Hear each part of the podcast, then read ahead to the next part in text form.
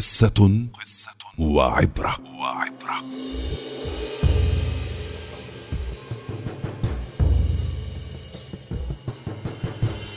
يحكى أن أميرا يوم زفافه كان يصطحب عروسته إلى القصر.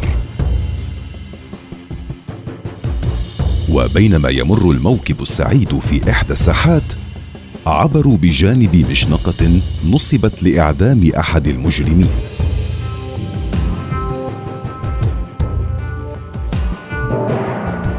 وعندما وضع الحبل على رقبة المجرم ارتاحت الأميرة وبكت. فنزل الأمير إلى منصة المشنقة وطلب من القاضي إن كان بالإمكان أن يعفو عن المجرم كهدية لزفافه. لكن القاضي رفض وتذرع بالقانون الذي لا يستطيع الأمير نقضه.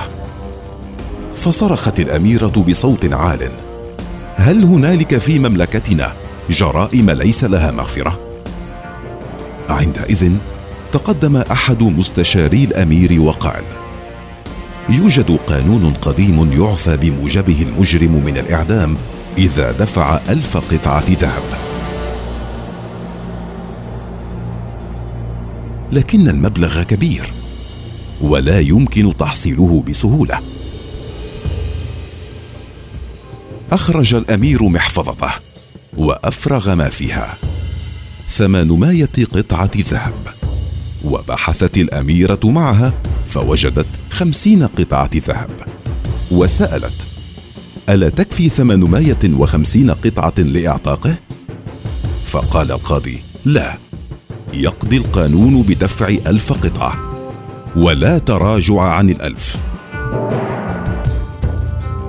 فنزلت الأميرة من عربتها بين الجنود والخيالة وجمعت كل ما في جيوبهم حتى وصلت وتسعة وتسعين قطعة من الذهب. لكن القاضي اعترض. قائلا القانون يطلب ألف قطعة أو تنفيذ الحكم. فقالت الأميرة هذا غير معقول. ينبغي الا يموت إنسان من أجل قطعة ذهب واحدة. وعندما بدأ تنفيذ الحكم صاحت الأميرة. فتشوا جيوبه. وهذا ما حدث فعلا. فقد وجدوا في إحدى جيوبه قطعة ذهبية. كانت هي الضرورية لخلاصه.